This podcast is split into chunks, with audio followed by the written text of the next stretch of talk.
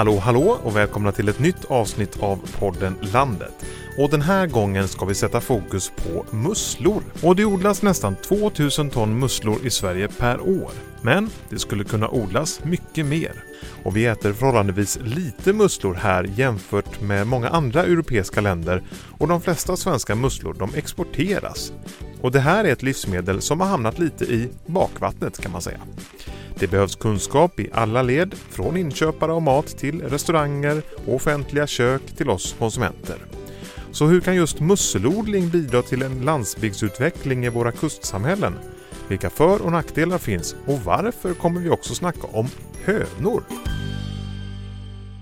Ja, det ska vi bland annat försöka reda ut i detta avsnitt av podden Landet tillsammans med våra gäster här i eh, Göteborg som vi befinner oss den här gången. Välkommen säger jag till, ja vem då? Anna-Lisa Wrange. Eh, jag arbetar som forskare på IVL, Svenska Miljöinstitutet och är marinbiolog. Sofia Kocher, jag är VD och delägare i företaget Musclefeed som förädlar musslor. Katrin Persson eh, driver företaget Bohus havsbruk som odlar blåmusslor här på västkusten. Om vi börjar i det stora, på vilka sätt kan musselodlingar bidra till att utveckla våra kustsamhällen och öka attraktiviteten i de olika bygderna? Ja, alltså genom att eh, ha musselodlingar på, längs kusten så skapar det ju självklart eh, arbetstillfällen för eh, personer som arbetar eller bor på kusten. Eh, och eh, vi kommer man, ja, ju större odlingar desto mer arbetskraft såklart. Så att eh, det behövs både till etableringsfasen och även i skördefasen och packning. Och sen så vill jag lägga till att det skapar även arbetstillfällen i förädlingssteget som vi står för, givetvis. Och jag kan väl lägga till att jag tänker på den lokalproduktionen av mat till, till närområdet. Att det finns en jättebra resurs som är ekologiskt hållbar. Och vi odlar förhållandevis lite musslor i Sverige, runt 2000 ton årligen. Skulle vi kunna odla mer? Eh, absolut. Eh, I Sverige är vi extremt dåliga på att äta musslor. Jag tror vi äter 0,3 kilo per person eh, och år jämfört med europeen som äter 1,5 kilo. Eh, vi har fantastiska vatten med fullt med näring eh, och väldigt liten del av vattnet nyttjas idag till vattenbruk. Så att, eh, här finns det en jättepotential. Jag håller med. Vi eh, äter ju för lite musslor här i Sverige idag. Det känns som att när vi är på semester utomlands, då liksom lyxar, vi, lyxar vi till det med musslor. Men vi, som du säger, vi har jättefin eh, råvara här i Sverige. Så vi ska absolut uppmuntra folk att äta mer färska blåmusslor. Och skulle vi kunna odla mer? Ja, det tror jag absolut. Vi, det, I dagsläget är ju inte musselodling särskilt stort i Sverige, men det håller på att expandera och det är jättespännande att se den utvecklingen. Och att det stöttas upp också på många sätt idag. Att det finns ett intresse på nationell nivå att eh, stötta vattenbrukets utveckling. Och varför odlas det inte mer då? Ja, det är en bra fråga och jag tror att den frågan ställs nog, eh, eller ställs väldigt ofta egentligen. Det finns ju ett, ett stort engagemang och en vilja på att utveckla egentligen ja, blå näring som man kallar det, att uh, utveckla vattenbruket. Men det är också tufft och det krävs mycket kapital eh, och att eh, starta vattenbruk.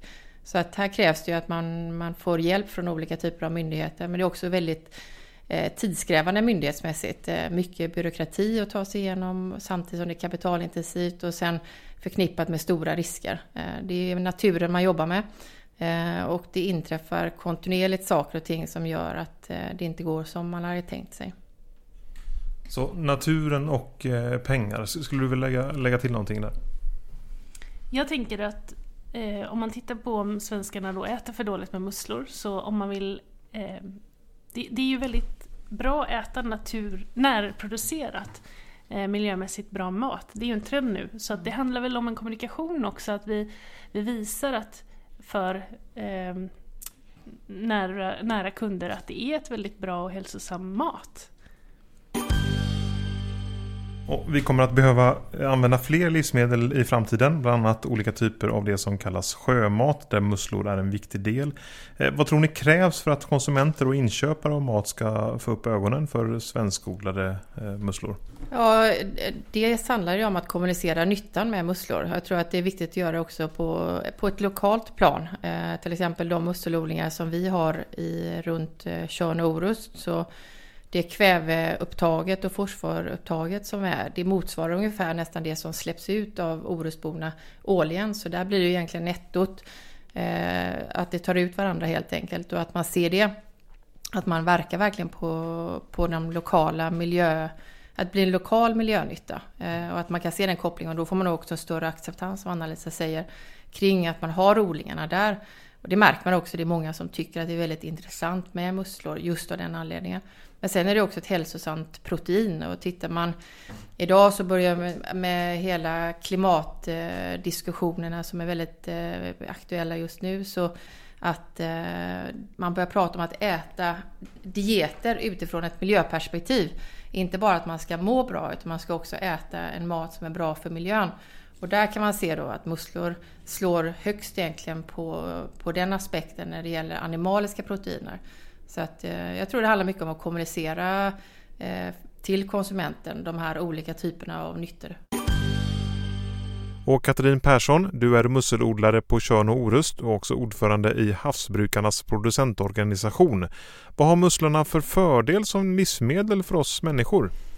Fördelarna är väl att det finns mycket nyttiga fetter som omega-3 eh, och omega-6.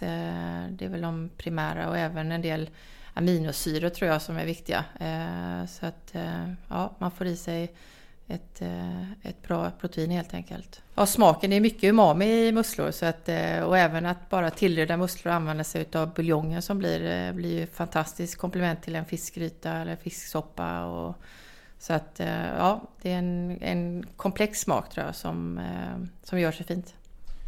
Man hör ju ibland att man kan bli riktigt sjuk av att eh, äta musslor. Eh, vad är det som man kan bli sjuk av? Det är toxiner som finns i vattnet eh, och i och med att musslorna är filtrerade så ansamlas de här toxinerna i musslorna. Så att, men alla musslor som man köper i handeln, alla färska musslor är kontrollerade. Så att innan man skördar så är man tvungen att ta toxinprover som är tvungna att godkännas och då får man ett, ett produktionsområde som är öppet kallas det. och då är det godkänt för att skörda. Så att man kan vara ganska lugn och att äta, men så länge man äter en, en mussla i, som man köper i fiskhandeln så, så är de fria från toxiner. Eh, och Anna-Lisa Wrange, du är forskare på IVL då. Eh, det går att odla musslor både på västkusten och i Östersjön. Hur, hur påverkas miljön av, av musselodling? Ja, det finns ju delvis, de är ju filtrerare, musslorna, så att de filtrerar vatten och tar upp mikroalger. Och eh, mikroalgerna eh, växer ju till när det finns mycket näring i vattnet. Så på så sätt fångar man upp näringen i vattnet som musslorna äter upp och så, så när man skördar musslorna så tar man ut näringen i vattnet. Så den bidrar ju till att minska övergödning, vilket är ju en problematik som finns längs kusterna. Eh, sen så musslor i sig är, är ju jätteviktiga i e grunda kustnära ekosystem. De bidrar ju med en livsmiljö för många olika typer av djur eh, och skydd och även mat för, och föda för många olika djur. Så att de har en viktig roll eh, i de eh, kustnära områdena, inte bara i musselodlingar utan även på bottnarna runt omkring. Och där kan ju potentiellt musselodlingen vara viktig i vissa områden till att bidra. Det är något som vi eh, håller på att undersöker, eh, hur, i vilken koppling det finns mellan musselodling och de naturliga områdena med musslor. Finns det någon negativ miljöpåverkan också? Ja, det negativa det skulle jag säga är kopplat till kanske just precis under en musselodling så kan det ju ansamlas en del musslor som faller ner och näringsämnen från att musslorna eh, släpper ut bajs som ramlar ner på botten. Så det kan ju bli en, en högre näringsgrad i, i sedimentet under och det kan leda till syrebrist i vissa eh, områden då. Men det är ofta väldigt lokalt fokuserat. Så att det är inte jättestora ytor utan det är främst kopplat till odlingen. Och det har gjorts en del forskning där man har tittat på om man kan eh, genom att eh, föra in djur som eh, gräver i sedimentet och blandar om sedimentet faktiskt kan minska den här negativa effekten under odlingarna också eh, som har visat sig ganska lovande. Så det, det, finns olika sätt som man skulle kunna minska och det är en väldigt lokal effekt då.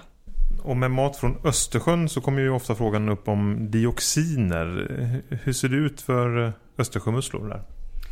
Ja, alltså blåmusslor är ju väldigt långt ner i näringskedjan. De tar ju upp mikroalgerna, det är det de äter. Eh, de här eh, miljögifterna är ju ofta problematiska när man tittar på de som är högt upp i näringskedjan. För de, då ansamlas de här miljögifterna i många steg.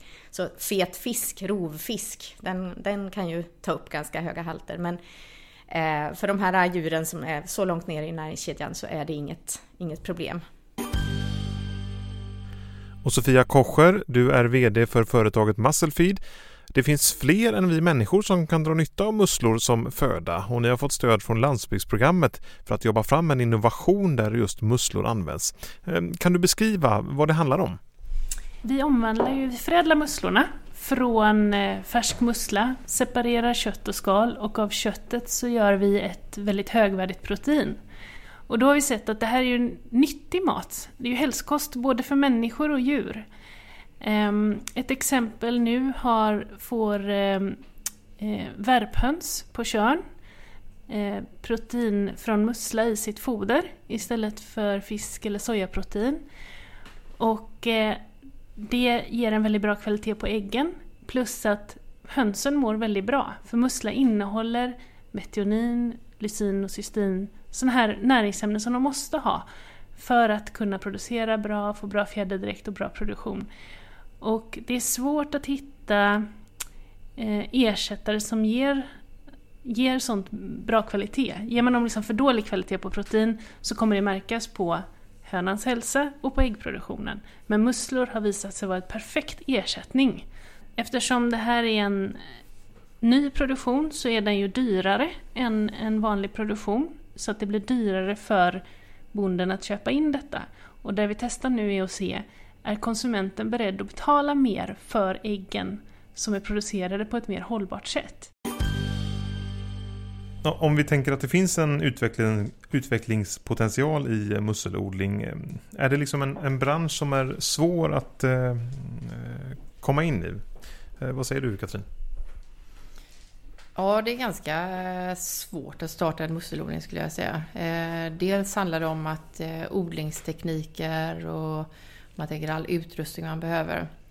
Det finns inte så...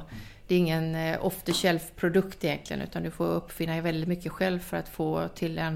Om man ska få till en effektiv process. Eh, så att där om man jämför med lantbruket till exempel som har, ju, som har kommit väldigt långt eh, så ligger vi långt efter där. Så att det krävs att man har ett visst teknikintresse. Man måste kunna biologi och havet och, och, och sen även affärsutveckling. Men, men vad beror det på? Är det för att den är så ung branschen eller? Ja, den är ganska ung. I Sverige är den ju ung men inte i Europa. Alltså om vi jämför Sverige med, med Europa så har Europa ett jättestort eh, vattenbruk. Men det är ofta, tror jag, i Europa, det är, de har Frankrike till exempel, så är det väldigt segmenterat. Det är väldigt mycket små familjeföretag så de har en, en historia, en tradition på ett helt annat sätt än vad vi har i Sverige. Så att, eh, vilket är ganska konstigt egentligen med tanke på att vi har så stort kustområde. Att vi har en så liten andel vattenbruk. Men eh, ja. Vi kanske har mer tradition av ska säga, ta, silltillverkning? Ja, ja, men så är det säkert. Det är helt andra traditioner som har funnits längs den svenska kusten. Alltså jag har nog känt att Massafri som bolag har varit väldigt välkommen till branschen. Vi har, vi har fått hjälp av de som funnits i branschen och sen har vi fördelen att vi har en forskare som har som forskare verkat länge i branschen så han har ju ett stort nätverk. Um, så, och jag upplever att just den här när man berättar att man jobbar med den här typen av mat, att den är bra för miljön, så får man ju väldigt många som stöttar och hjälper snarare än försöker förstöra för en. Jag kan bara lägga till att eh, just hela odlingsbiten, det är en, en eh, tuff verksamhet. Eh, det är det är många utmaningar. Det är dels, du har ju havet som utmaning i sig. Det är du ska klara av när det blåser storm. Du ska kunna leverera produkter under hårda förhållanden. Du ska kunna leverera produkter året om. Du har byråkratiska utmaningar som är också väldigt stora med alla myndigheter. Det är mängder av tillstånd och, och kontroller som görs. Går det att odla var som helst längs kusterna? Nej, det är ganska eh, begränsat ändå. Alltså när man söker ett odlingstillstånd så är det många intressen som, som tävlar om de här platserna som finns. Och, och eh, jag tror när man söker ett odlingstillstånd så kanske man i snitt har kanske ja, 7 till 10 remissinstanser och det är ju kommunen och Sjöfartsverket, trafik, eh, Trafikverket eller Transportstyrelsen eh, och flera andra intressentorganisationer som får tycka till. Och det är ju flera, vi är flera som ska samsas på, på ytan. om man ska, kan man önska från staten, från det allmänna liksom att det kan göras enklare på, på något sätt? Vad skulle det vara då för något? Det finns nog flera bitar. Just nu eh, sitter jag med i ett eh, arbete som drivs av Jordbruksverket på uppdrag av regeringen där man tittar på regelförenkling kring vattenbruket. För man förstår ändå att det, det finns saker man behöver göra. Eh, så att eh, så det ska bli intressant att se vad det eh, mynnar ut i. Men en sak till exempel kan vara att ett odlingstillstånd idag är på 10 år. Och tittar man då på odlingstillståndets längd i relation till den investering som man gör och då ska du kunna räkna hem det på 10 år. Då kan det ibland vara finansiärer som tycker att det är alldeles för kort tid, det blir för stor risk. Och också då med tanke på att det tar kanske två år nästan innan, från att du etablerar till att du kan skörda. Eh, så har du två år. Så du har två år utan kassaflöden. Och sen kan ju någonting hända också med att man jobbar med naturen under de här två åren. Och skulle det hända någonting och skörden går förlorad så är det ytterligare ett år som är förlorat egentligen. Så att, och då går tio år ganska snabbt. Så att eh, jag tror att för att skaffa finansiering till exempel så skulle man öka det till 20 år så blir det enklare. Risken blir mindre. Har ni något man ska lägga till där när det gäller förenkling och utveckla musselodling i Sverige? Jag tänkte just eh, på kopplingen till regelförenklingsarbetet också. Att, mm. Eh, och också en acceptans från, på myndighetssidan. Mm. Att i Sverige, så idag, alltså hur man diskuterar, hur man både stöttar forskning kring vattenbruk i Sverige och hur man ser på eh, att man vill finansiera forskning kopplat till industrin idag är helt annorlunda eh, mot hur det var bara för 10-15 år sedan. Så det har hänt jättemycket och det finns ett, en jättestor satsning Eh, i samhället kring vattenbruk nu. Att det, det diskuteras mycket mer och det lyfts som en, en positiv grej. Har ni några tips och medskick till eh, den som skulle vilja odla musslor eh, eller för den delen stödja projekt och aktiviteter som förbättrar konsumenternas kunskaper?